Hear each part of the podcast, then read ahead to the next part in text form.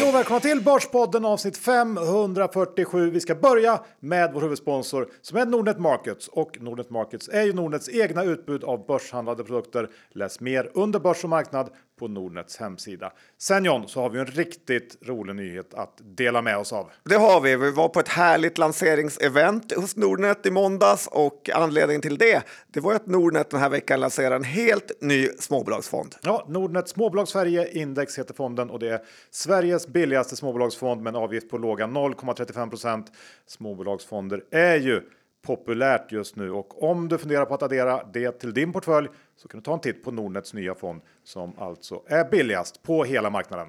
Och som vanligt vill vi poängtera att investeringar innebär en risk. För legala dokument se nordnet.se och vad det gäller priset är Nordnet Småbolag Sverige Index billigast jämfört med småbolagsfonder med andelsklass i svenska kronor utan resultatbaserade avgifter som erbjuds till privatpersoner i Sverige.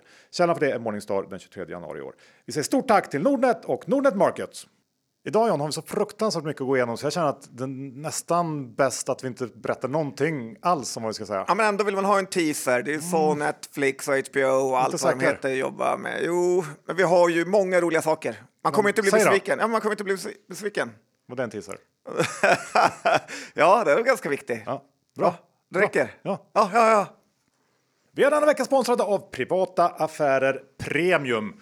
Och John, det här är ju någonting vi verkligen älskar. Ja, det hörs ju på namnet. Vi älskar allt med premium och privata affärer är verkligen premium i deras nysatsning. Ja, det här är en helt unik börstjänst med, får vi säga, nästa generations börsbevakning. Och det här är faktiskt rådgivande innehåll som gör skillnad på riktigt. Ja, här får man två tidningar digitalt. Ja, privataffärer och placeringsguiden som e-magasin och eh, dessutom massor av eh, tips som man faktiskt kan agera på. Ja, men något du inte sagt är ju priset, för det är ju helt otroligt. Vanligtvis kostar det här då 597 kronor och nu får man det för 49 spänn i tre månader. Det är helt otroligt. Ja, det är en väldigt, väldigt bra deal. Alltså 49 spänn för hela tre månader. Ja, Förstod, som- förstod de? Jag tror det nu när du säger det så igen Bra, och verkligen trycker på det. för att det är så sjukt lite pengar. Det är det. Och det är ju någonting som jag tycker att alla börsintresserade där ute borde testa. Ja, för ett litet, litet råd som är bra för den här tidningen så har man ju tjänat igen det för evigheter. Ja, och vill man testa det, ja då går man in på privataaffärer.se snedstreck börspodden. Alltså privataaffärer.se snedstreck börspodden.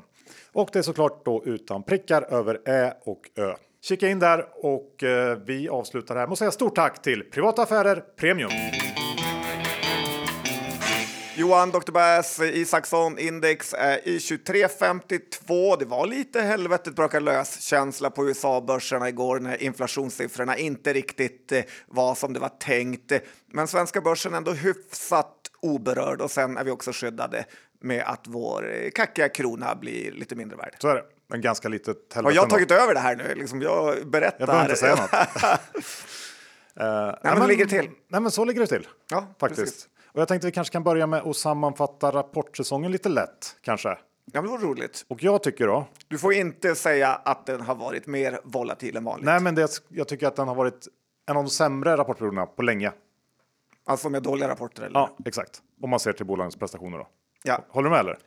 Ja, så lite ganska så. många besvikelser då. Och då blandat med nästan uteslutande svaga utsikter och i princip alla bolag som ger någon typ av guidance sätter ju allt hopp på att det ska vända under andra halvåret. Det är liksom kontentan tycker jag av rapportperioden. Eller? Ja, men det behöver inte vara dåligt för börsen utan snarare att det Nej, kan vara bra uppenbarligen om eftersom bolagen berättar att det går lite små eh, knackigt. Ja.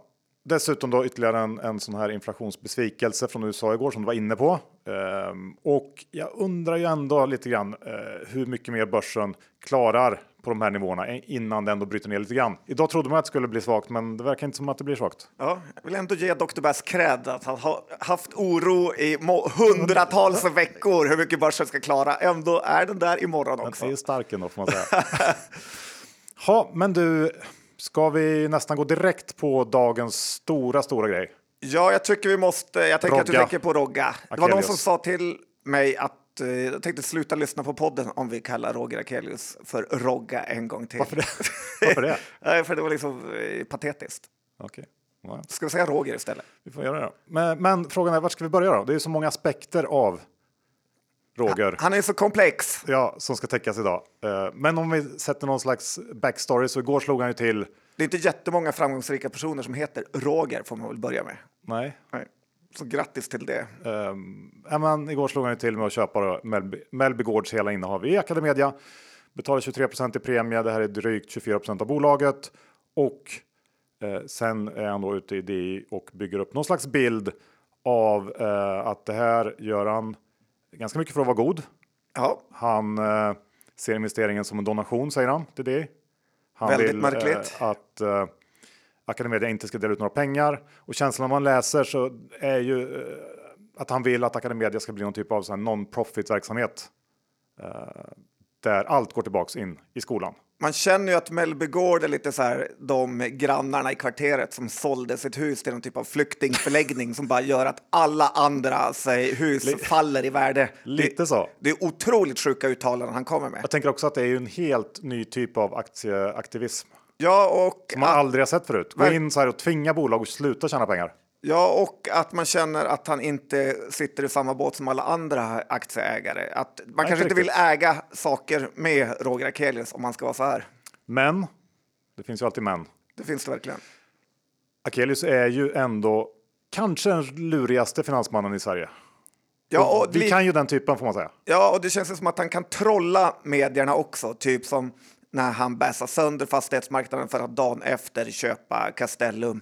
Eh, han vet ju hur man vrider och vänder på det och jag tror också han hatar när folk försöker tjäna pengar på honom. Det gör han. Det är han som ska tjäna pengar på andra. Eh, Är det ska nästan det värsta han vet? Ja, det är nog det absolut värsta. Men vad har vi för, liksom, om man ska vända och vrida på det här då? Vad talar för att han menar allvar? Han är men- 79 bast. Ja, Eh, vad betyder det? Hur tolkar du det? What's men- your angle? Ålderns höst får man säga. Kan ju hända saker då med folk. Är det Biden-läge eller? Så känns det verkligen inte. Han Nej, känns men- ju rappare än någonsin. Jo, men jag menar att han kan liksom få någon slags... Han vill, han vill också ta sig igenom pärleporten. Nej, men Nej, men Johan, det, som han- jag sa i morse. jag försöker bara komma med. Får jag säga något? god eller? för 100 miljarder. Ja, Inte så mycket pengar från dem det här. Eller? ja. Kan ju mena allvar. Varje gång jag säger något så säger Ja, du något säg då. också. Nej, men nu vill jag inte säga något. Ja, men du har det. förstört. Fortsätt. Eh, nej, men så här. If it walks like a duck, it looks like a duck. Eh, så är det en duck, Johan. Och eh, det är en sak Roger Akelius har tänkt på hela livet och det är pengar. Och göra sig själv rikare. Eh, Jag är inte förvånad att eh, om han skulle köpa mer aktier eh, eller lägga bud och så vidare. Det här är en kille som vet hur man använder medierna till sin fördel och han tänker mycket mer på pengar än att han skulle ge frukt eller nya skolböckerna till eleverna. Eh, lite läskigt eh, och är ju de här kineserna som också har köpt 5% i eh, Academedia som kom något flaggningsmeddelande om igår. Eh, ja, lite, eh, det vore ändå kul om Roga tog över den här koncernen. Känns Men du är inte inne på godhetsspåret. Nej, men jag är långt eh, Man kan ifrån tänka det. också så här, det här kan också vara ett sätt att betala tillbaks lite efter att han eh, liksom lura stora delar av Sveriges pensionärer genom den här Alecta-affären, Heimstaden. Ja, och det här är ju en kille som varit eh, skriven på de sinnessjukaste ställena i världen för att slippa betala en endaste krona Det i blir lite skatt. som att han, han tog från de gamla och nu ger han till barnen. Ja, Eller? Bra take. Men du, han har ju också bott på de här öarna, eh, han har bott på Cypern och så vidare. Det här är ju en eh, snubbe som inte gör saker för andra, han gör det för sig själv. Nej, och det här, det är bra att du tar upp det. Och likadant för en gång till vill jag bara säga, och det här Akelius D-aktien, han håller ju också på att trolla fram och tillbaka där. Han är ju obegripligt eh, ja, hur han tänker egentligen. Nej, men jag tänkte på det där du sa, att han har ju bott på liksom, han har väl bott länge i typ Bahamas eller någonting. Någon Men det, det var ju en stor intervju i veckan i det innan hela den här grejen. När de hade varit ner och träffat honom eh, i hans nya eh, ställe där han bor. Vilket då är Fuengirola, alltså, Russindalen, Funkan. den respekterar inte Nej, men- du som Marbella-bo. eller? Alltså, det ligger ju mellan Marbella och Malaga. Och man får säga lite krasst kanske att det är ju typ ett miljonprogram vid havet. eh, Med lite så här sunkrestauranger och pubbar som säljer en pint för en euro. Det känns... Där monströst feta Ja, det- det- britter sitter och är fulla klockan 11 på Ja, det- förmiddagen. Inget fel med det, men eh, för att vara en av Sveriges rikaste så är det ju liksom, det är inte direkt så han unnar sig. Det kan man inte säga. Så är det ju.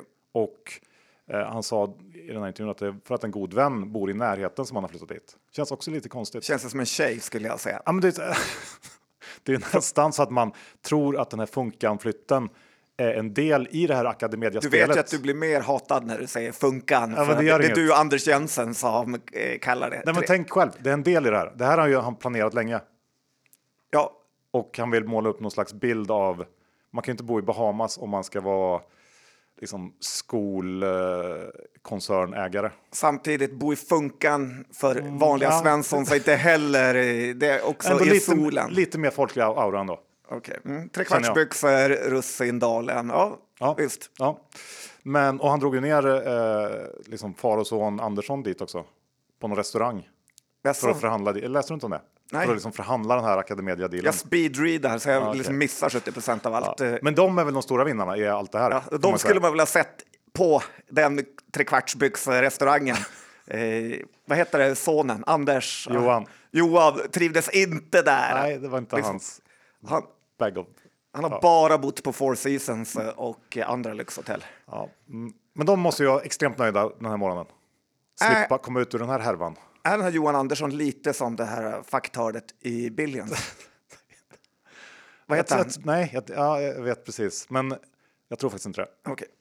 Utan, eh, så, Ska vi gå vidare eller? ja, vad kom vi fram till då? Antagligen så eh, vill Roger Akelius tjäna pengar. Ja, och jag, eh, jag går emot börsen och sätter köp här. Börsen panikerar när man läser sånt här. Han kan mycket väl komma ut om någon dag och säga att han är lite eh, felciterad och så vidare och aktiekursen går upp igen. Mm. Eh, Academedia är inte mindre värt idag än det var igår för att han har gett några citat till det, är min take. Och Han har ju betalat eh, 40 procent nästan över eh, dagens kurs, 30 kanske. Så att, nej, Nej, men och jag tror han har en del, hel del vettiga idéer när det gäller skolan. Verkligen. Att han kan göra den bra. Han kanske kan styra upp liksom, skol-Sverige. Vi har ju våra ungar på Engelska skolan, eh, tycker det fungerar extremt bra med privata skolor. Så eh, jag hoppas Rogga tar med sig lite internationella views och implementerar det i eh, kommunala loser-skolan Sverige. Du, eh, det har ju varit massa listor som har trendat. Mäktigast på Twitter och sånt där. Det har det varit. Eh, jag har ju vägrat svara eh, på de här förfrågningarna vi har fått av den här Emanuel Karlsten som eh, liksom har gjort de här listorna. Okej. Eh, för att dels vet jag inte hur man ska göra och dels hatar jag sådana här listor. Vadå hur man ska göra? Ja, men man ska skicka han liksom info för att visa ens reach. eh, Det är liksom inte John Skogman kompatibelt. Men framför allt är det för att jag tycker de här listorna är så enormt pinsamma. Jag tycker det är ännu pinsammare med folk som lägger ut det, typ Erik Hansén är svinnöjd med att han är topp 10 och Aktie Albin är rånöjd med att vara typ årets nykomling inom någonting.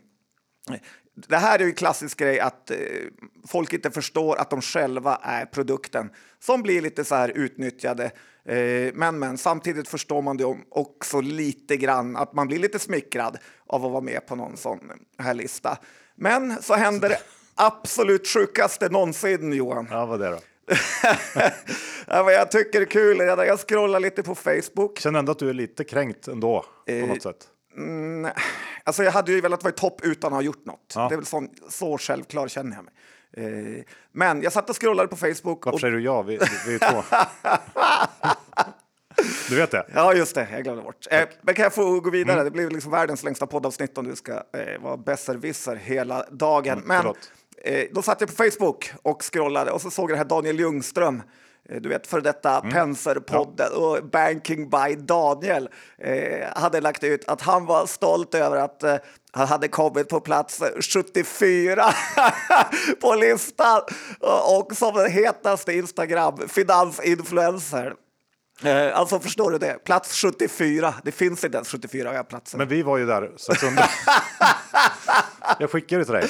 För vi var ju strax under.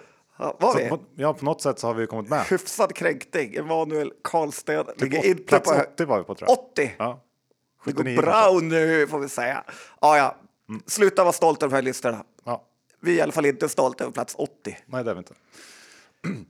Du får bara ta några, eh, om vi går tillbaka till rapportperioden, några snabba ändå reflektioner. Ja, Eh, en grej eh, som jag har reagerat på är ju att en hel del bolag och även analytiker för den delen tycker att ja, det har varit lite svagt så här. Många rapporter, topline resultat, men man lyfter fram starka kassaflöden som något väldigt positivt.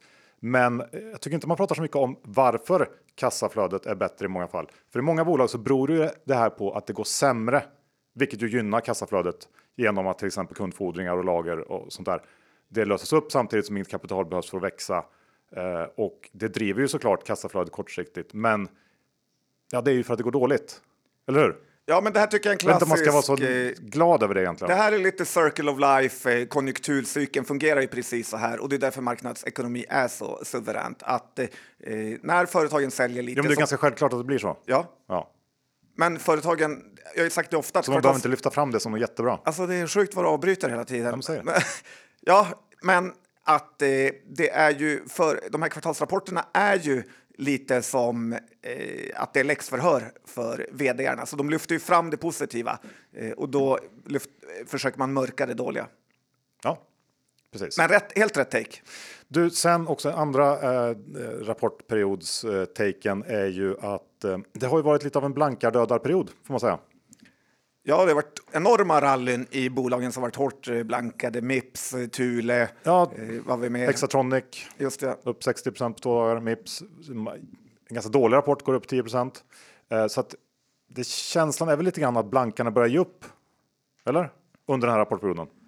Kombinerat med så här totalt misslyckade och om man ska välja ganska pinsamma blankningsattack på SCA som ju inte alls bet Nej. Lite sådär, nu eh, är den här jätteframgångsrika perioden som Blankan haft kanske på väg att eh, ta slut. Talar det för börsen då eller? Mm, det är svårt att säga. Eller talar det mest för Truecaller Johan? Mm, skulle kunna. Spännande. Nej men absolut, det, och det är lite tjusningen med blankning att om du ger dig in i de här högst blankade aktierna så kan du bränna dig något fruktansvärt när det vänder. Mm, vi får se, Sinch kommer väl, vad är det, imorgon va? Det är också en sån som skulle kunna röra sig rejält. Och kommer göra det oavsett. Ja, så är det. Du, vi går över till... Jag vet inte om jag ens ska låta dig ha det här, men... Du vill kliva bort det. Ekonomibyrån. Vad är det för något? Har de ringt dig någon gång Johan? Va? Är det där? Nej, men det var I veckan var jag med med Torsten Jansson och Lena Apler på eh, Ekonomibyrån. Eh, såg att Torsten la ut De på sin unga och fräscha. du, vad är det nu? Du brukar ju vara jättepositiv till Torsten och gilla hans Facebook. Såg du, att, såg du att han la ut mig och han ihop där? Mm, nej. Jo, det gjorde det. Du, följer det. du var jätteavundsjuk. Eh, eh, det var hans minst likade inlägg någonsin. Eh, lite deprimerande. Nej, men vi pratade ju lite kort i programmet om alla vd och det här hänger ihop med rapportperioden som du nämnde som har fått gå i år, början på det här året och jag tror folk eh, en sak folk måste förstå är ju hur enormt jobbigt det är att vara vd. Media förskönar ju det här och alltid fokuserar de på lönen eh, som är bra och så skriver man liksom, eh, men typ som att det är ett drömjobb eh, när det är mångt och mycket ett hemskt jobb att vara börs som kräver all ens tid och man försakar i princip allt annat. Eh, dessutom är det så att vägen till toppen är ju redan svinjobbig. Det är ingen bara som ger dig ett vd-jobb, utan det är ett krig att komma och nå till toppen och sen väl där, när du är där, så är det ännu jobbigare. Så att jag tycker inte att man ska vara så avundsjuk på alla höjdare, utan faktiskt inse hur bra man har det, som slipper jobba så fruktansvärt hårt och istället ja, kan man ta rygg på de här arbetsnarkomanerna eh, som är pengagalna via att äga aktier i deras bolag. Ja, vad bra sagt. Tack. Det, var... det är därför jag är med i de här toppsammanhangen. Ja, du, sen lite tråkiga grejer. För det har varit kanske årets värsta dag på Finanstwitter här. Ja, det var ju igår. Ja. Fettidsdagen, då mår man ju inte bra när man följer mm. Finans-Twitter. Och vad beror det på då? Ja, det beror ju på att alla ska lägga ut sina semmelbilder och ge helt värdelösa och meningslösa omdömen. Och eh, såklart ska Gabriel Mellqvist taggas du vet vuxna män som skriver saker som fluffig grädde med lite för litet lock för min smak. Eh, eh har de förbrukat sig rätt att leva känner jag ibland. Kanske lite väl hårt. Lite hårdare. Ja, men ändå så här. Men 69 kronor var i översta laget. Eh, och så här, har du provat den här Gabriel? Eh, han måste vara helt utbränd efter den här perioden. Ja, verkligen. Eh, nej, men så här, jag kan känna att Gabriel Mellqvist eh, har blivit eh, lite som här Ross i Vänner. Kommer du ihåg honom? Ja. Att han kan bara spela en enda roll. Det är dags för Gabriel att förnya sig här. Han har och fastnat hitta... där i semmel. Ja, det är dags att hitta på något nytt, för annars kommer han fastna helt i semmelträsket. Ja. För det här börjar ju januari fram till nu. Två månader bara semlor. Dessutom så får man istället är det här en roll man vill fastna i? Nej, Semmelrollen? den är inte high paid heller. Nej. Utan det är snarare att du, ja, men, du kommer ju lägga på dig en del och fastna i den här rollen. Ja. Ja, bra, bra tips till Gabriel, tycker jag. Så är det. Du, sen är det faktiskt så att eh, börsen är inte bara rolig utan den uppfostrar. Det gör den Johan. Och eh, eh, vi pratade ju tidigare här om Academedia. Eh, när ägarna beter sig dåligt, hur det går då. Jag tyckte också vi såg det här i eh, Fastighetspartner. Eh, lite spännande faktiskt. För, förra året försökte ju de sig på någon sån här lite halvfuling i D-aktien. Man skulle skjuta upp lite av utdelningen och blev ju stenhårt eh, straffade eh, på börsen och aktiekursen sänktes rejält, både i D-aktien men även i den vanliga stamaktien. Eh, men så här i veckan så körde man, kom med sin rapport och körde ett väldigt cleant upplägg med att betala ut 5 kronor eh, per D-aktie. Så att, eh, då steg aktien rejält och förtroendet är på väg tillbaka till Fastighetspartner. Eh, Så att jag tycker om du behandlar din aktieägare bra så blir du belönad med en högre aktiekurs. Kanske kan vara något för Rogga att ta till sig. Ja, bra tips där John. Sen har det varit insynssälj. Ja, men det har varit, du vet, Molluskbolaget som vi sa. Eh, Hur går det med molluskförsäljningen nu? Nej, men det, det går ju fruktansvärt bra för eh, Pandora. Den aktien handlas ju på all time high och ja, då passade CFOn och vdn på att eh, kränga iväg massa aktier. 59 miljoner danska igår. Eh, och de Är de såldes- värda, eller? Ja, men sålde de av skatteskäl. Det är alltid något lite, kan aldrig vara att de vill casha hem lite. Det ska alltid ljugas lite. Eh, Men en sak som är rolig med Pandora, eh, det är vart de ska ha sig kapitalmarknadsdag. Har du läst det? Nej, Eh, gissa vart den ska vara? jag vet inte. Danmark någonstans. I Thailand. Eh, Den skulle man ju vilja gå på. Eh, Thailändska kapitalmarknadsdagen. Eh, De har väl en stor anläggning där faktiskt. Pattaya. Ska, nej, inte Pattaya. Men de, väl, st- de är väl stora i, i Asien? eller? Ja, 11-12 juni eh, säger de att de har sin kapitalmarknadsdag. Man ska save the date för den. Väldigt- Kanske skicka dit dig då? Kanske. kanske. Aldrig varit i Thailand. John, vi har denna vecka den stora äran att vara sponsrade av Fidelity.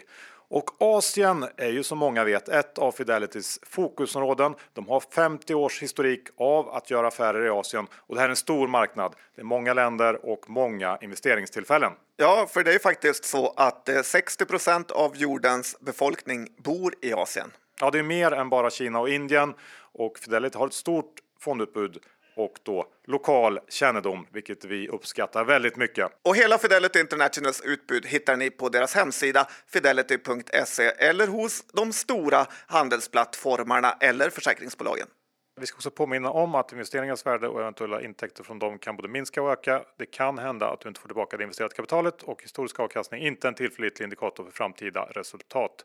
Våra sponsorer tar inget ansvar för det som sägs i podden och åsikter uttryckta kan redan agerats på och inte längre gälla. Det är också viktigt att läsa prospekt samt KID-dokument och investeringar på tillväxtmarknader kan vara mer volatila än på andra mer utvecklade marknader. Stort tack till Fidelity International. Vi är denna vecka sponsrade av Saveland som ger dig stabil avkastning utan tur och timing genom att investera i räntor. Och John, det är ju så att Saveland fortsätter att leverera positiv avkastning till alla spararna månad för månad. Det är faktiskt så att det inte har varit någon månad med negativ avkastning sett då till genomsnittlig avkastning sedan 2016. Ja, det är något vi gillar väldigt mycket, att man inte har alla pengar på börsen, utan här får man ett stabilt kassaflöde från någon annanstans. Och Johan, man kan ju välja mellan tre olika sparstrategier. Ja, utifrån då sin egen riskaptit, avkastningsförväntan och sparhorisont. Ja, du är väl kanske en balanserad kille? Det är jag. Du då? Ja, men jag är väl lite mer frihetskille. och, där är sen, och sen finns det något mittemellan. Ja, Yield. precis. Så tre olika strategier kan man få förhjälp att välja av eh, Saveland. Och det är ju väldigt smart faktiskt. Dessutom John så har vi såklart den här bonuskoden till alla lyssnare. För använder man koden Börspodden och är en ny användare, ja då får man en bonus. Och sätter man in 5000 kronor eller mer så får man en bonus på 200 kronor. Sätter man in 10 000 kronor eller mer så är det en bonus på 400 kronor och så där fortsätter det ända upp till en miljon kronor som ger en bonus på 10 000 kronor. Fantastiskt. Missa inte denna gratis lunch. Det ska man inte göra. Om det så säger vi ett stort tack till Saveland. Sådär John, då ska vi snacka lite bolag och eh, du vill börja internationellt. Ja, men lite så. så. du. ja, jag är ute och reser en hel del. Funka, det är ingenting för funka Johan kanske. Är det inte? Tyvärr. Nej, men eh, det är lite kul att titta på de här svenskrelaterade bolagen ändå. Eh, Tokmanni såg att de kom med eh, lite resultat igår. Mm. Eh, de har ju köpt det här Dollarstore och då hade de CMD igår och kom ju med såna här preliminära siffror. Eh, det går riktigt, riktigt bra faktiskt eh, för Tokmanni. Eh, tyvärr lite för skuldsatt för min smak efter det här köpet av Dollarstore för att man ska gilla det. Eh, men det verkar, ja, de har tagit sig in på den svenska marknaden och ska fylla Dollarstore med Tokmanni-prylar. Ja. Eh, spännande case ändå. Kan bli bra. riktigt billigt också. Ja. Bra. Sen har vi det här Dart Waders, finska livförsäkringsbolag. Vad tänker jag på då? Eh, det vet jag inte. Det vet du väl? Det är typ du som inledde bevakningen på det här. Ja, ja. Ehm, Mandatum. mandatum, ja. Såklart. Är det jobbigt att ha fått en stroke? Ja, lite faktiskt. Men så här, eh, de svek ju eh, aktieägarna i sin första rapport här efter avknoppningen från Sampo.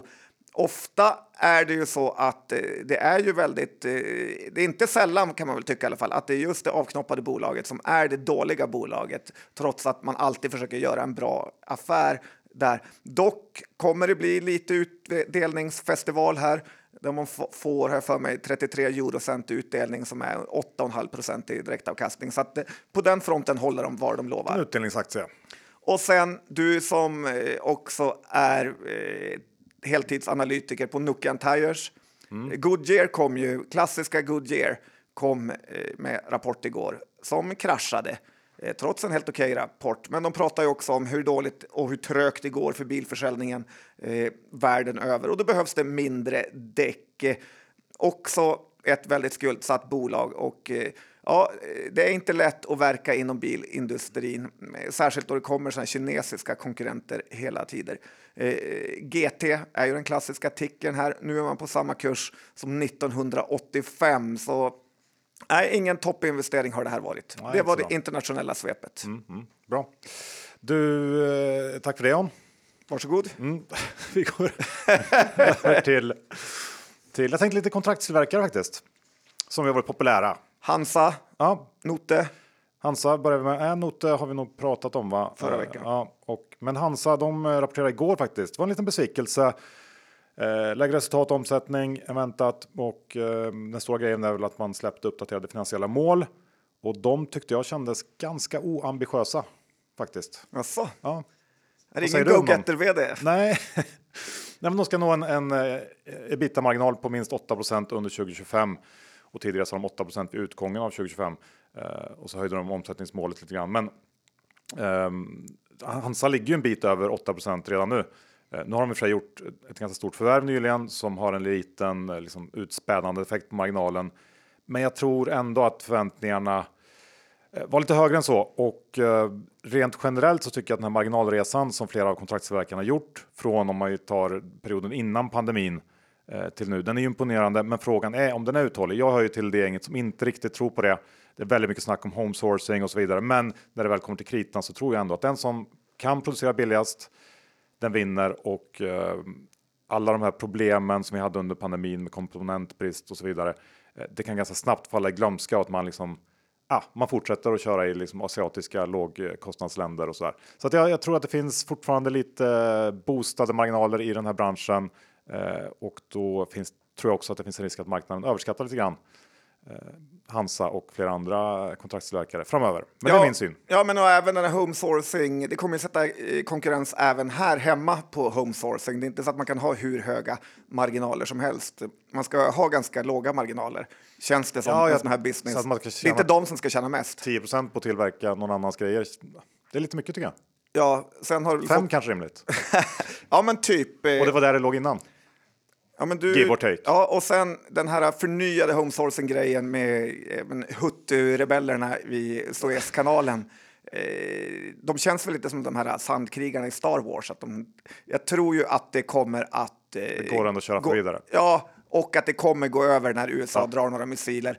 Plus, det ska man komma ihåg, att köra runt Afrika tar bara tio dagar extra. Så att det, inte, så att det är absolut inte den här chocken som det var med Ukraina-kriget och eh, pandemin, utan eh, det här är mer en eh, ganska lätt överkomlig förändring. Ja, jag tror också det. Men du, sen så har vi också Nolato tänkte jag på som kan vara värt att ta upp. De rapporterade för någon vecka sedan, men som ett lite avskräckande exempel i kontraktstillverkarvärlden.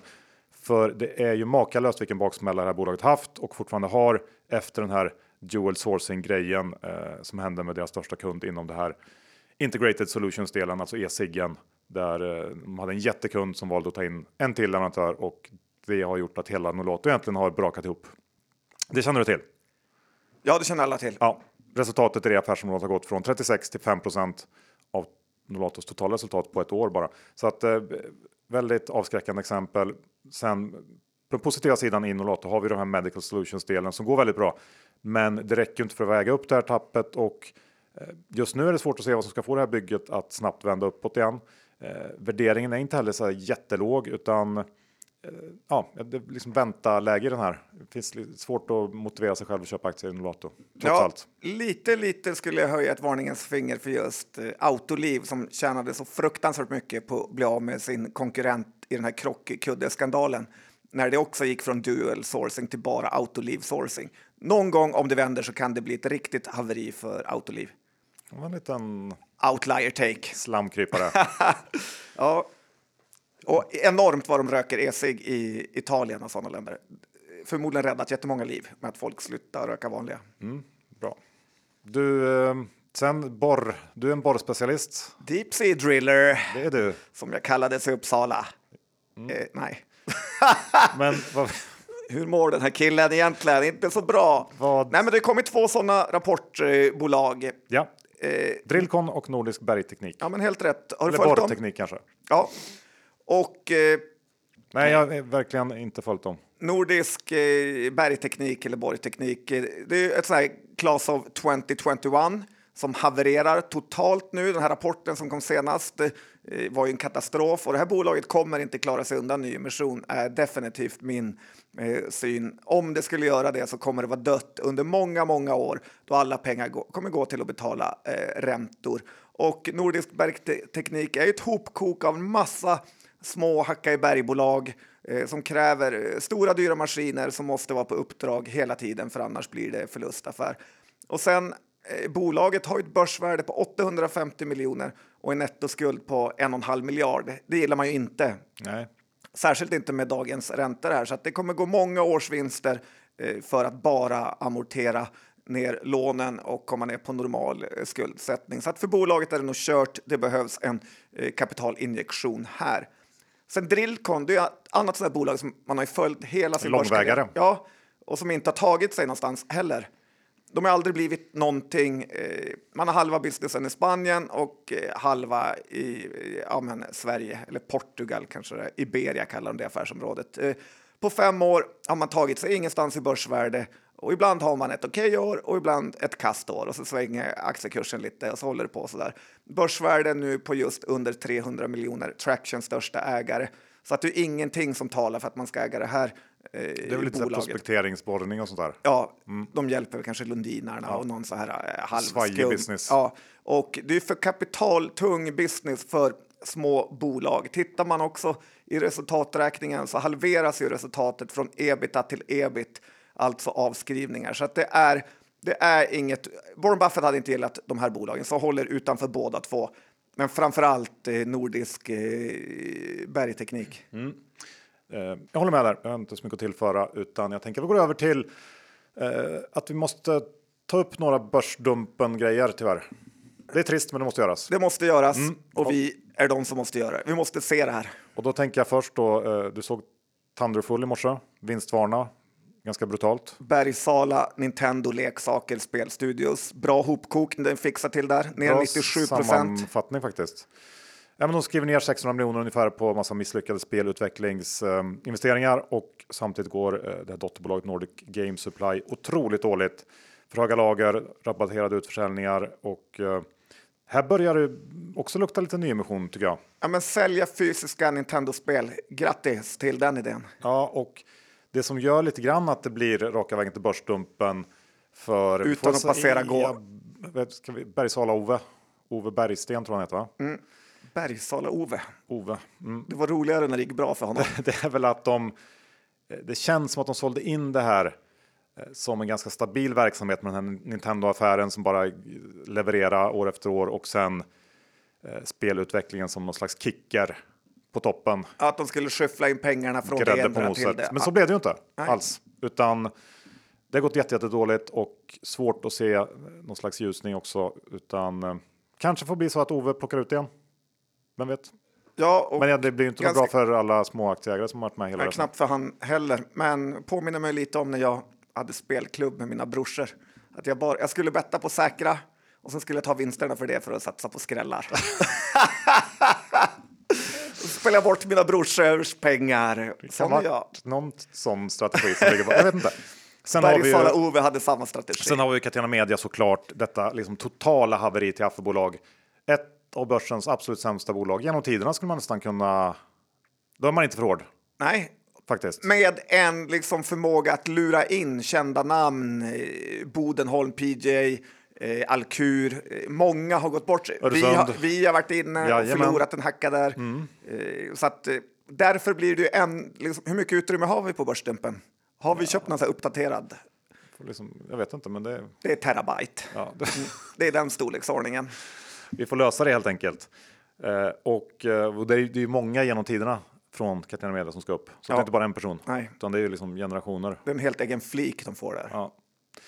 Men i alla fall, de eh, rapporterar igår var det va? Tror jag. Yes. Eh, och eh, guidar då för ett justerat ebitda-resultat mellan 20 och 30 miljoner euro under eh, innevarande år. Det är ju väldigt svårt att se hur det ska gå till.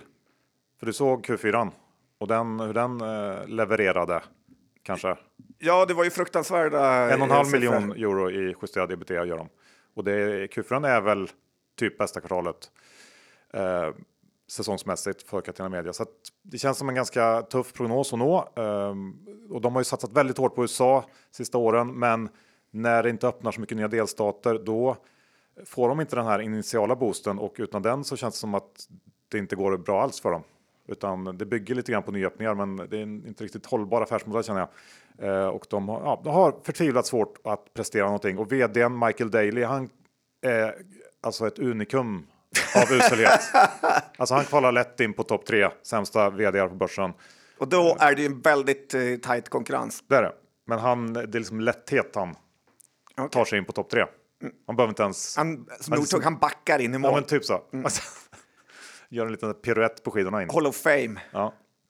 Och eh, enda hoppet här är väl att någon får för sig att plocka ut Catena från börsen. Och det som talar för det är ju att eh, andra bolag som köpt tillgångar av Catena Media, de har ju snabbt kunnat vända på utvecklingen. Tänk på Gig som köpte det här Ask eh, Gamblers och sen på, liksom två veckor typ gick från eh, negativ tillväxt till supertillväxt och tjäna massa pengar. Så att de kan uppenbarligen inte hantera eller sköta grejerna de äger och eh, ja, det bästa vore om någon bara köper upp det här. Ja, man börjar, är han lite pantad vdn eller? Hur, Ja, kan de, jag. hur kan de göra så otroligt dåliga affärer? Nej, tyvärr. Mm. Man hade velat att de skulle, eh, liksom, så mycket snack som det har kommit från dem med. Mm. Så det, de, där har vi det. Så var det med det. var det tråkiga. Eh, och då tänker jag att vi går över till lite av ditt specialområde, för du är ju Börspoddens mikrokonsultanalytiker. Ja, men det är där man jag. får börja som analytiker. du, Ja, du har någon slags juniorposition. jag har det. Eh, Rapportera till mig. Men jag tar den med eh, liksom största allvar. Eh, Så vi har ett nytt, det är inte slut på dåliga nyheter här. För Sveriges sämsta konsultbolag, Projektengagemang, gjorde det igen och kom med en genuint usel Q4. Eh, Det är något med att ha de sämsta i ledningen och sen har man de sämsta ägarna. Den kombinationen är inte jättebra. Projektengagemang, eller PE som de har förnyat sig för att heta, har ju drivits av den här kvinnliga duon eh, som består av Helena Hed, vd, och CFO Liselott Haglind. Eh, Helena Hed fick ju dessutom det här priset, Allbright-priset, läste du det? Nej. Det har de ju slagit upp stort eh, som Sveriges mest jämställda företag. Eh, och eh, ja, lite trött blir man ju på den här typen av företagsledningar som eh, sätter sin egen godhetsagenda före aktieägarna. Eh, sen är det ju lite så här retligt att Var titta. inte du lite kompis med henne? Ja, men inte längre för att eh, man kan inte behandla aktieägarna så Nej, här. Eh, Jag hejar alltid på aktieägarna. Men Helena Hed säger då i sitt PM att hon har haft tre fantastiska år eh, på PE. Och ja, men gud så trevligt för henne då, säger jag, för eh, aktiekursen har tappat 60 procent under de här tre åren. Bolaget är i sämre skick än någonsin och har en stor eh, nettoskuld eh, och väldigt låg vinst. Så att det här tjejteamet har, eh, ja, men de har förstört lite för kvinnligt ledarskap tycker jag. Och eh, ja, det är inte alls omöjligt att det ens behövs en nyemission här för att kunna rädda PE. Så att, eh, nu har vi sagt det typ fem gånger att någon skulle kunna lägga ett skambud på ett bolag, men det, det händer ju inte. Utan dåliga bolag blir mindre och mindre. Tyvärr. Mm. Okej, tråkigt. Ja, och sen har vi det vi under lång period kallat för Sveriges sämsta eh, konsultbolag. Hifab. Men- Ja, som inte är det längre. Nej, jag såg de vände. För vet du vem som har steppat upp, som vi har höjt, eh, liksom, eh, som vi såg direkt hade något? Nej. Nicke Rydgren. Du kommer ihåg Nicke? Han med uppkavlade ärmar. Ja, har vi träffat honom? Alltså det är jättejobbigt att driva en podd med en kille. Nej, men vadå, vem, eller såg vi en bild på honom? Vi har ju pratat om det jättemycket, att Nicke har tagit över Hifab. Men han hade en bild på i första rapporten. Ja, och jag Upp- sa att han var en snubbe som fixar i Men hur ska, rören. jag, hur ska jag komma ihåg han? Ja, okej. Mm. Förlåt. Kom bara ihåg. Mm. Eh, men det var en väldigt fin rapport i, i morse. Och eh, sen, det är ju härligt när man ser en sån här vd och man känner direkt att han har något. Han kör go-getter vd-ord och nu har han lyckats vända Hifab. Men du menar att bara, jag vill bara Ja, kontrollera. Det som fick dig att känna att han har något, det var att han hade lagt upp en bild på sin första i sin första rapport där han stod med uppkavlade ärmar. ja. Och då kände du Så är det att vara hypersensitive Johan. Då ser du igenom eh, eh, den här killen. den här killen, han Kommer visar leverera. att han kommer jobba hårt där. Och det har han gjort nu. Det är väl det som är det härliga. Och eh, det, här, alltså det här har ju varit ett sånt fruktansvärt dåligt bolag och nu har han på bara några kvartal lyckats vända det. Så att jag tror faktiskt att det är som på en flygplats här. Det är lite snabbspår, fast track för Nicke eh, Rydgren till att få ett eh, riktigt bra jobb faktiskt. För Hifab är ju väldigt litet eh, bolag. Han kan gå från division 4 till Premier League på en gång. Eh, och för första gången på någonsin nästan är ju eh, Hifab köpvärd. Jag såg dessutom Attraction, som också är största ägare här, eh, har ju sålt lite aktier eh, på börsen. Så att, ja, kanske är, om, det skulle vara kul med en ny huvudägare här. Hur, är det samma bild nu i senaste rapporten? Nej, nu har han gått, gått, blivit clean och kör kostym. Helt rätt. Hur tolkar du det? då? Nej, men nu har han lyft sig från att han behövde städa till att Men han... nu är städande slut Ja, och nu är det skördeperiod. och då har han kostym. Ja, men det är bra.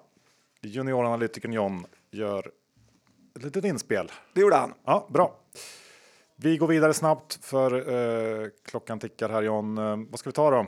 Vitrolife, Ja, eller har du något annat? ja men kör på det då. Eh, För jag har ju tänkt på det ibland att man skulle kunna kalla det här kontoret för Vitrolife-kontoret. Har du någon aning varför jag Ja, men jag vill så? inte ens att du går in på det, den typen av resonemang. Jag Eh, vet precis vad du tänker säga. Vad tänker du säga? Alltså, olämpligt. Nej. och det vill inte du vara med om? Jo, men säg en gissning. Nej, men jag, vill- alltså, jag, vill, jag, kan bara, jag, jag antar att det handlar om sås och sånt där. Ja, men det, det Men- för här i källaren så Nej, sit- du, du behöver inte berätta Jo, mer. men jag ska berätta här så att du får bakgrund och alla lyssnare. Eh, för att här i källaren det sitter ju bara killar och vid varje dator så står det ju en Inga toarulle. Allbright-priser här. Nej, men det står ju en toarulle som används då. Alla har varsin som vi använder istället för servetter. Som det hittar du på. Va? Ja, du skämtar eller? Det Nej. ligger ju toarullar överallt. Okej. Eh, och eh, jag, tar bild om du försöker Ja, ja, förneka okej. det här Ja, Johan. Eh, men för en utomstående så ser det väl eh, lite mer ut som att det skulle slitas en hel del här nere.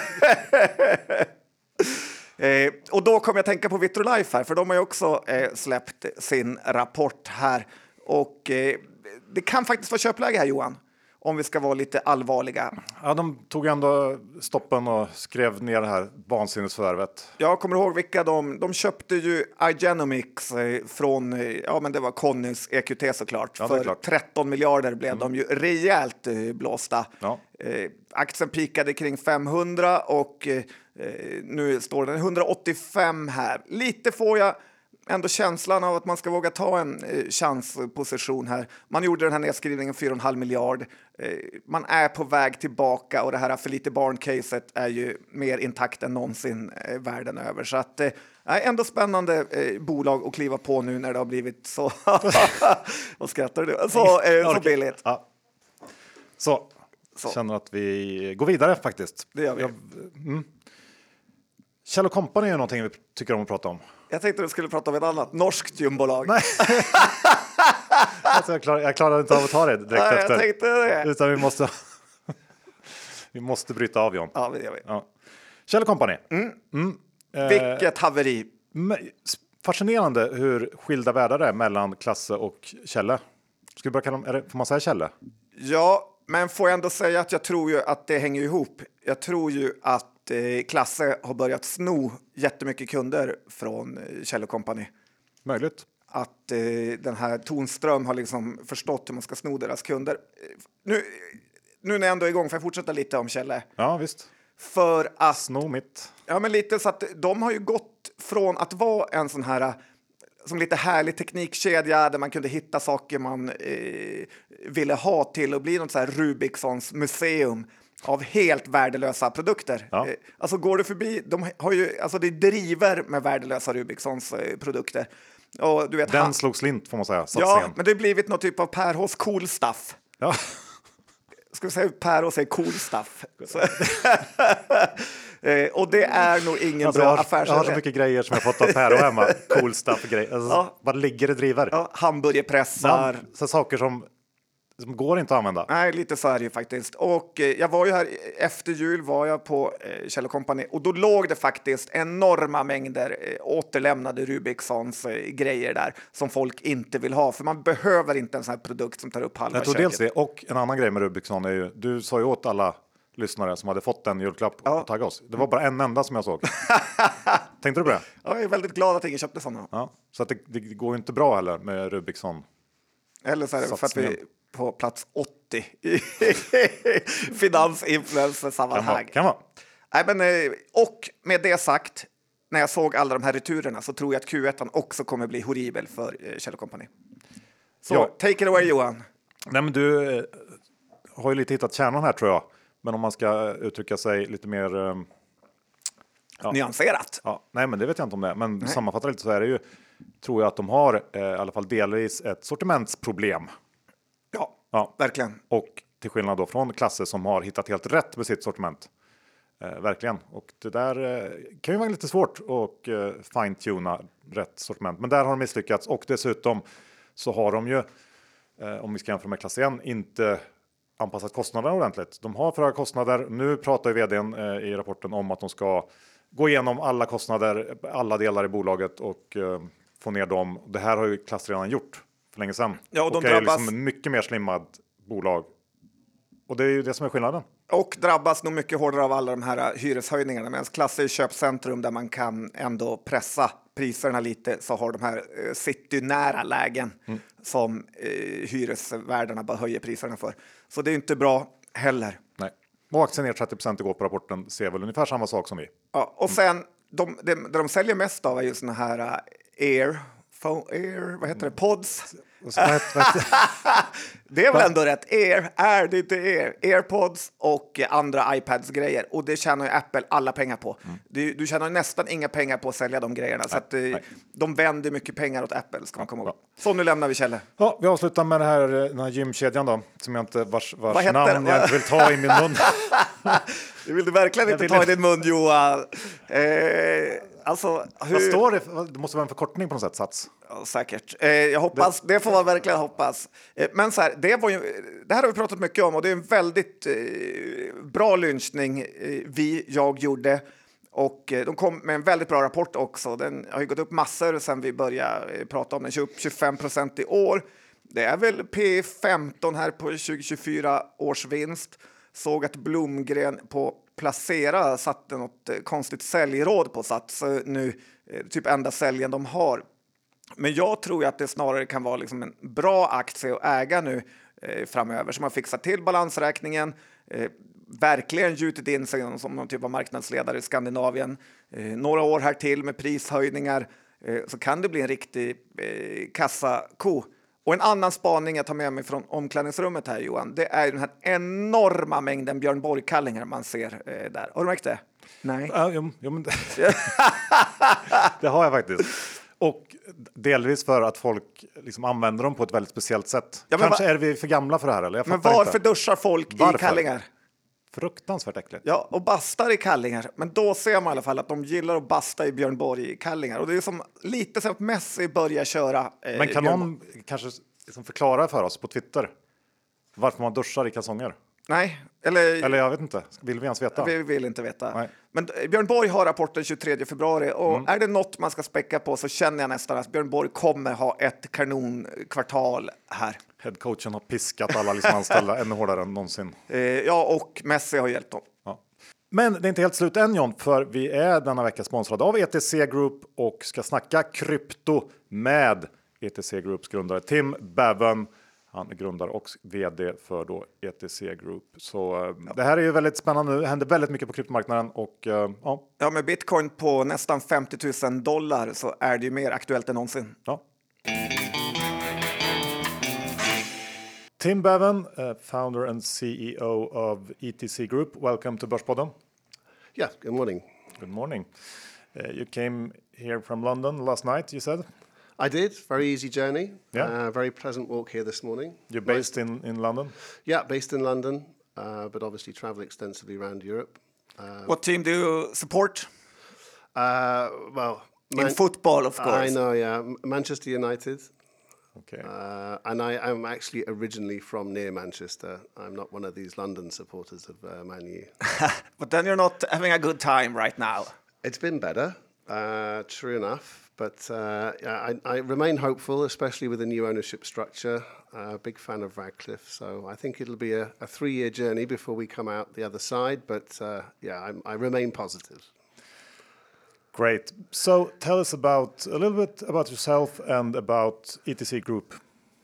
Yeah, so um, ETC Group was was incorporated sort of late 19, but the story goes further back actually. Um, one of the fellow founders uh, who, who had the original idea, I've been sort of talking to him and working with him since 2017 uh, with this idea of utilizing um, a better structure to bring sort of crypto or Bitcoin specifically at the time uh, to public markets.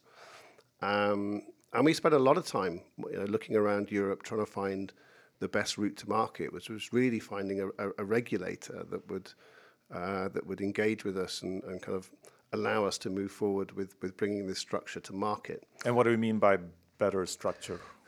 Well, the only product that existed at the time uh, was XBT, and, and hats off to them. They were they were first to market with any form of The investment. Swedish uh, company. Yeah, yeah. They, they, I think they were around from sort of 14, 15.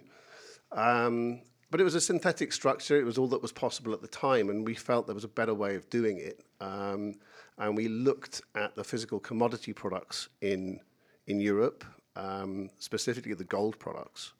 So exchange traded commodities, this this concept of a 100% collateral backed bond structure uh, was created for gold some 13 years ago.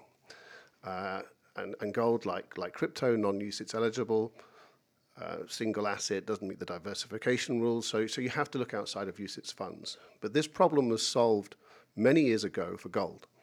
And we looked at that structure, and, and it was clear to us if you take gold out of a vault and replace it with Bitcoin in cold storage custody, you can use exactly the same structure.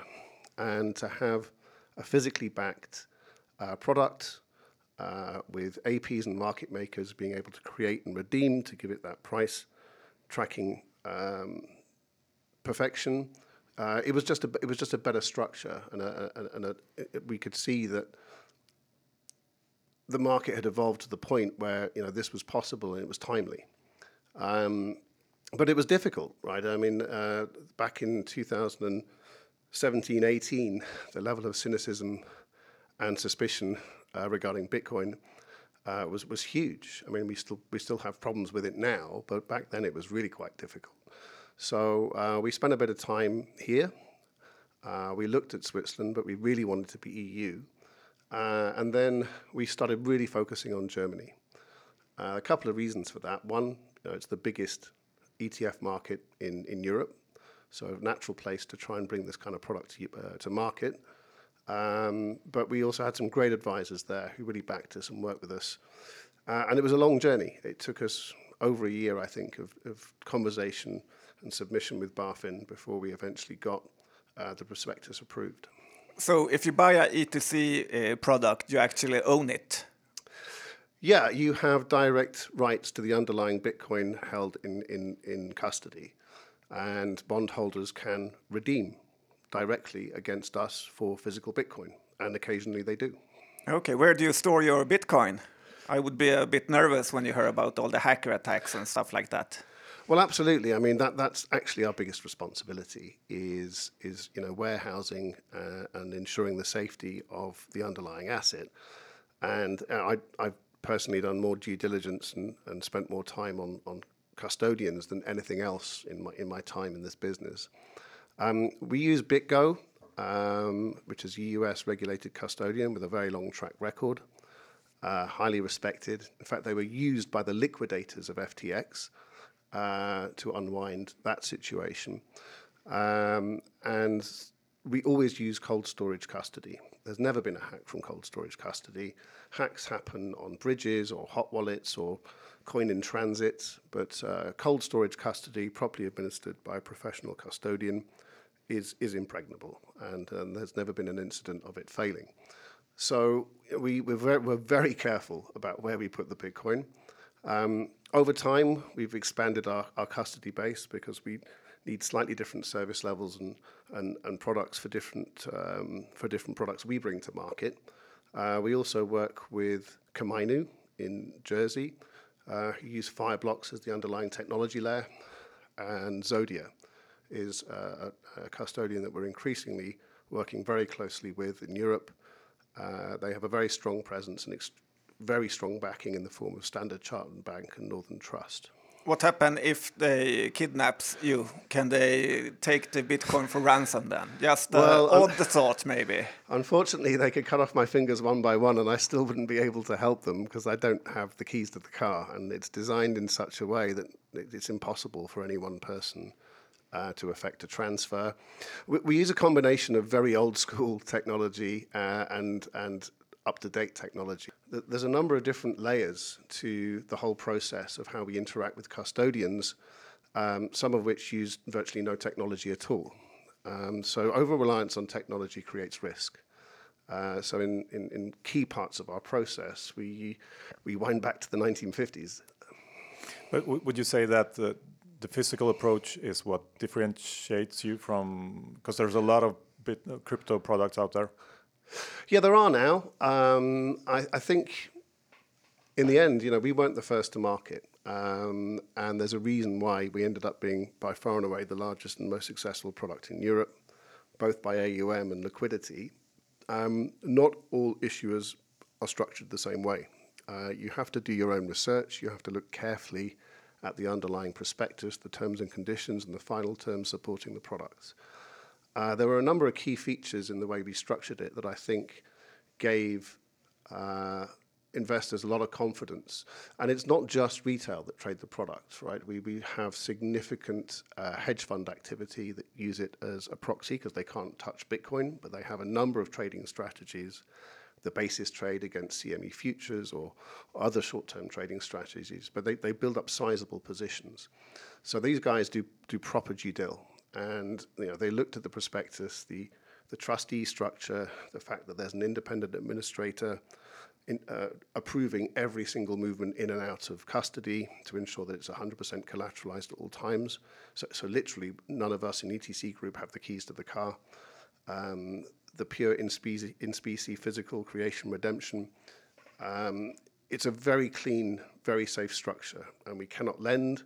We, we couldn't stake. We could do nothing with the underlying asset at all, other than leave it in cold storage custody. What's your AUM now? It's about 1.2 billion dollars. Uh, and still very much focused on our lead Bitcoin product, but obviously the product suite's evolving as the market evolves. Um, we launched uh, the only MSCI index product globally uh, last April. Uh, and that's the broadest index product available in the market, um, certainly that we're aware of, certainly in Europe. Uh, it's a 20 name index product, capped market cap structure. It's like the biggest cryptos or Yeah, it, it's market cap weighted, but a 30% cap. So Bitcoin, Ethereum are capped at 30%. So you get good representation down the index. Uh, and it gives you just a broader level of diversification and exposure. It's really the perfect sort of asset allocation trade. You know, I, I'm interested in crypto, but I don't want to go too far down the rabbit hole of studying and understanding individual protocols. I just want to have some market exposure. So this product's very much designed for the person that wants to allocate a certain amount to their portfolio or have a savings plan. Um, and it gives them that diversity, and the, and the quarterly rebalance of the index does the work for you. So anything that's coming up or becoming interesting, it will get captured by the index uh, on the rebal events. So it's a great way of passively owning the market as opposed to owning a single product within the market. What about your background? How come you're so interested in uh, cryptocurrency? Well, I must admit, I, I came into this more from a structuring perspective because um, uh, in an earlier life, I worked at the London Stock Exchange, and I was there when the physical gold products came to market. Uh, and it was fascinating uh, because at the time, you know, these guys were trying to do something very new with a structure that hadn't been seen before in Europe. And basically, it was a bond that trades like an equity, that gives exposure to a commodity that everyone assumes is a fund and was regulated like a derivative. Uh, and it took quite some time uh, for this new beast to be accepted and understood in the European market. Um, but but they did. You know, there's well over 50 billion um, dollars in, in gold products in Europe now, and over the last 13 years, they've just grown and grown and grown. So we knew the structure. We, we understood what would work for Bitcoin, uh, and that's what got me excited because, you know, I love markets. I love I love uh, uh, bringing buyer and seller together. I like providing good solutions uh, to interesting problems. Uh, and there was an elegance to this that was, was very exciting to me. Now, obviously, since being you know, heavily involved in the crypto market, um, I've fallen in love with it. I've drunk the Kool Aid. Uh, it's, it's once you see it, it's very hard to unsee it. Um, and I'm extraordinarily excited about the impact of, of, of, of, of DLT across pretty much every sector, not just Web3, um, but it, it, really is the future uh, architecture of, of a lot of what we do today.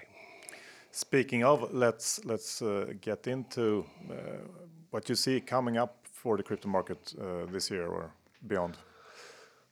Well, yeah, I mean, if you if you look around, there's some very bullish price targets out there from from big shops like VanEck, like Fidelity, you know, not just crypto natives, and you'll see a lot of price targets for Bitcoin in excess of $100,000 uh, versus the 42, 43, oh, I think we had a bit of a spike yesterday, 44 that we are today. But even that's that's more than 100% appreciation before the end of the year. So people are people are very bullish out there, and I think that's that's good reason behind that.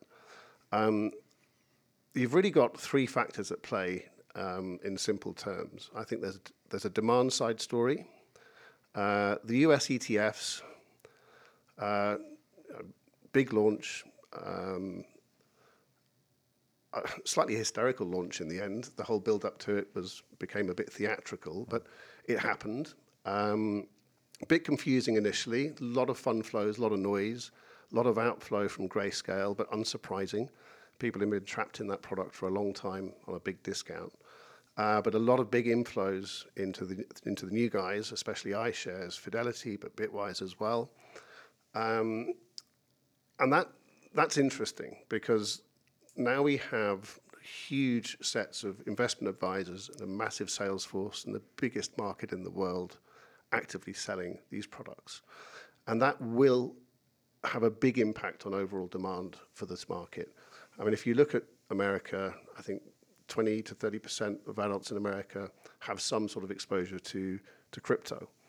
Uh, if you look at the retail money in, in risk assets, i.e., equity in, in the American ETF market, and you say, okay, 3% of that will move to crypto, that's nearly $40 billion worth of inflow. And that hasn't happened yet. I mean, it was naive to think it would happen overnight. These big machines need to get into gear. Now the products are listed. But it's hard to see that not being a significant demand side um, impact over the course of the next year. And as we all know, what the US does ripples globally. And we already see it with the conversations we're having in Europe. Uh, it's been legitimization. You know, it's very hard to argue now that Bitcoin is some WuWa Ponzi scheme uh, when Larry Fink and BlackRock are putting their name behind it and distributing it to their client base. So the tone of the conversation is shifting everywhere because of these events in the US. And what's going on in the US is a sizable demand side story.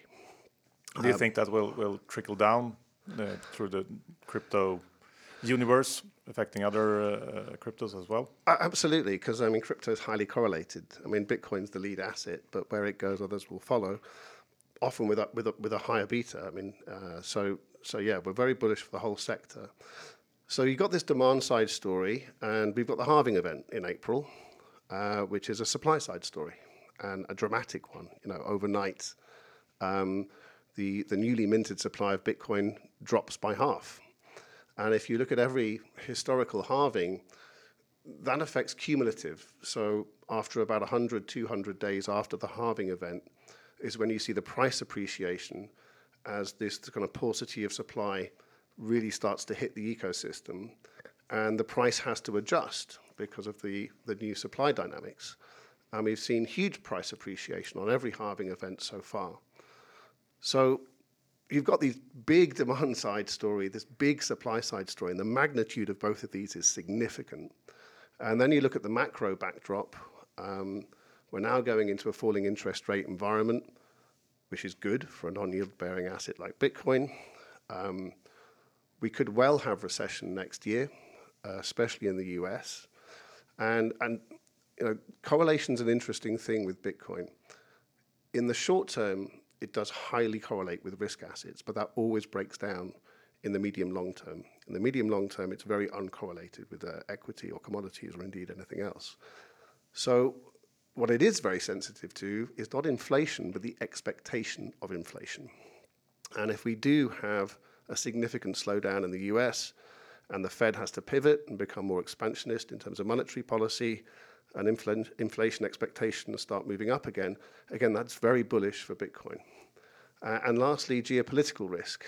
Again, in the short term, on bad news events, Bitcoin behaves like any other risk asset, it will react negatively. But if you take a, say, 50 day view on and look at what happens to Bitcoin, it's positively correlated with geopolitical risk. And looking at what's going on in the world, um, it's hard to argue that that's going to get any better. It's probably going to increase over time. So you've got a massive supply side story, you've got a massive demand side story, and you've got a macro backdrop that's all positive. You know, that's what's driving these predictions. Um, and it, it, I find it hard to argue against. Do you see Bitcoin as digital uh, digital gold, or do you see it uh, as you can actually do something with it?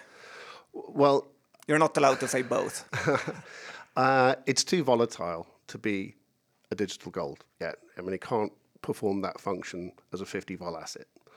I think it will be digital gold. I think it has to appreciate a lot more. So effectively, the, the supply in, in, in, in notional terms is much, much higher. And I think eventually it will become digital gold. I think its long term future is a collateral asset, is a store of value, but we're not there yet. I think it has to appreciate many times over more in price, and I think the volatility will come down as that happens. And I think its future is as digital gold, uh, but as, at a much, much higher price per Bitcoin than we are today on much lower volatility. What about your own portfolio? How do you place your own money? Um, well, I'm, I'm long Bitcoin, I'm long Ethereum, uh, and I'm long uh, an index product. So I've got broad exposure to the whole Bitcoin market, but I'm quite top down. Uh, I don't have the time or the energy to research, you know, smaller protocols down the list. You, if you want to start playing down there, you have to do a lot of research to understand what you're doing, and obviously the risks are much much bigger. So. Uh, I'm I'm heavily exposed to crypto, but I, I stick to the to the large cap universe. Great, Tim. Uh, very interesting speaking with you. Thank you for coming to uh, Börspodden. My pleasure. Thanks for having me. Slut på avsnitt 547 John. Vi eh, ska se om vi har någonting av det vi har pratat om. Känns väl inte riktigt så va? Var mycket börsdumpen grejer. Jag har lite projektengagemang kvar som jag inte lyckats sälja. Nej. Så eh, nämnde Akelius D lite kort har vi också. Just Eh, sen inget annat direkt. Nej. Nej men bra. Då tackar vi för att ni lyssnar. Vi hörs nästa vecka igen. Ha det så fint. Hej då! Ha det bra. Hej då!